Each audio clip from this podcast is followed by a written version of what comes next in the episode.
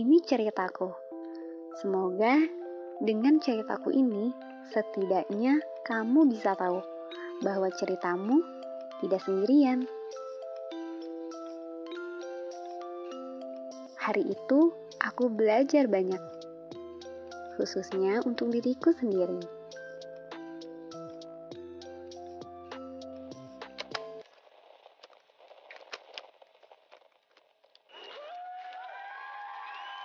Ih, dari mana aja sih kebiasaan banget? Nyari es dulu nih haus. Es terus. Diperhatiin mulu dah lu mah. Yo, so ganteng banget. Awas aja lo ya sampai lupa ngasih hadiah. Dih, belum juga maju. Udah termasuk utang tahu. Iya, kalau menang. Dam, ih jangan kayak gitu. Nanti kalau beneran kalah gimana?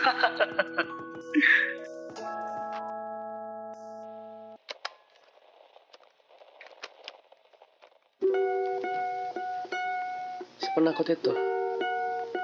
Hmm. Dulu kalau apa-apa aku cuma bisa iya, iya, iya jadi pokoknya. Makanya aku rasa ini pencapaian terbesar aku sampai sekarang. Buat pertama kalinya sih aku bisa bertanggung jawab sama kebahagiaan aku sendiri. Aku bisa berani ngungkapin apa yang aku mau.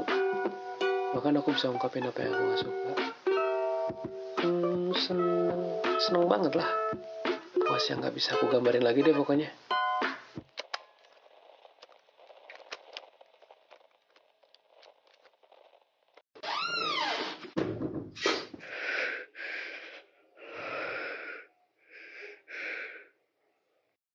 Sebenarnya, aku udah gak marah sama kejadian itu. Bahkan aku udah maafin kok. Cuman, nggak tahu kenapa, setiap kali lihat darah tuh rasanya sakit.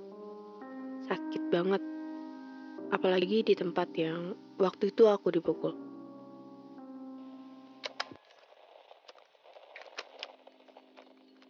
Dulu gue cetek banget. Sampai gak mikir apa resikonya kalau gue relain satu tahun cuma untuk univ ini. Sekarang gue udah masuk.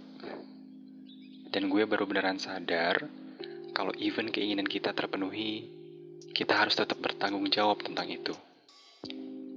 Dan gue juga belajar kalau hidup kita bukan kehendak kita sendiri.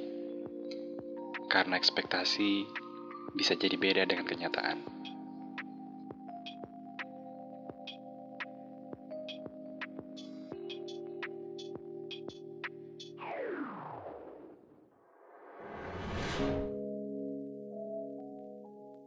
Hai,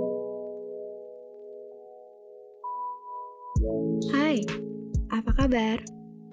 Gimana? Tadi itu cuplikan dari beberapa cerita teman-teman kita. Jujur seru banget sih. Kita jadi banyak tahu cerita spesial yang gak semua orang tahu loh. Dan jadi punya banyak sudut pandang juga ya. Bener banget. Dan mungkin ada beberapa cerita yang udah kita dengar tadi ini relate banget sama apa yang pernah kamu alamin. Atau justru kamu punya cerita spesial sendiri yang pingin banget kamu sampaikan tapi belum bisa kamu utarain. Di podcast ini, kita bisa bantu kamu buat ngutarain cerita itu. Mau itu anonimus ataupun enggak. Caranya kamu bisa langsung kirim aja cerita kamu di email kita di endoftheday.ofc at gmail.com Atau kamu juga bisa langsung DM Instagram kita di theendoftheday.ofc Dan sejak hari ini juga selanjutnya, aku Oya Dan aku Alfa bakal nemenin hari istirahat kamu di At the End of the Day podcast. See you! Bye!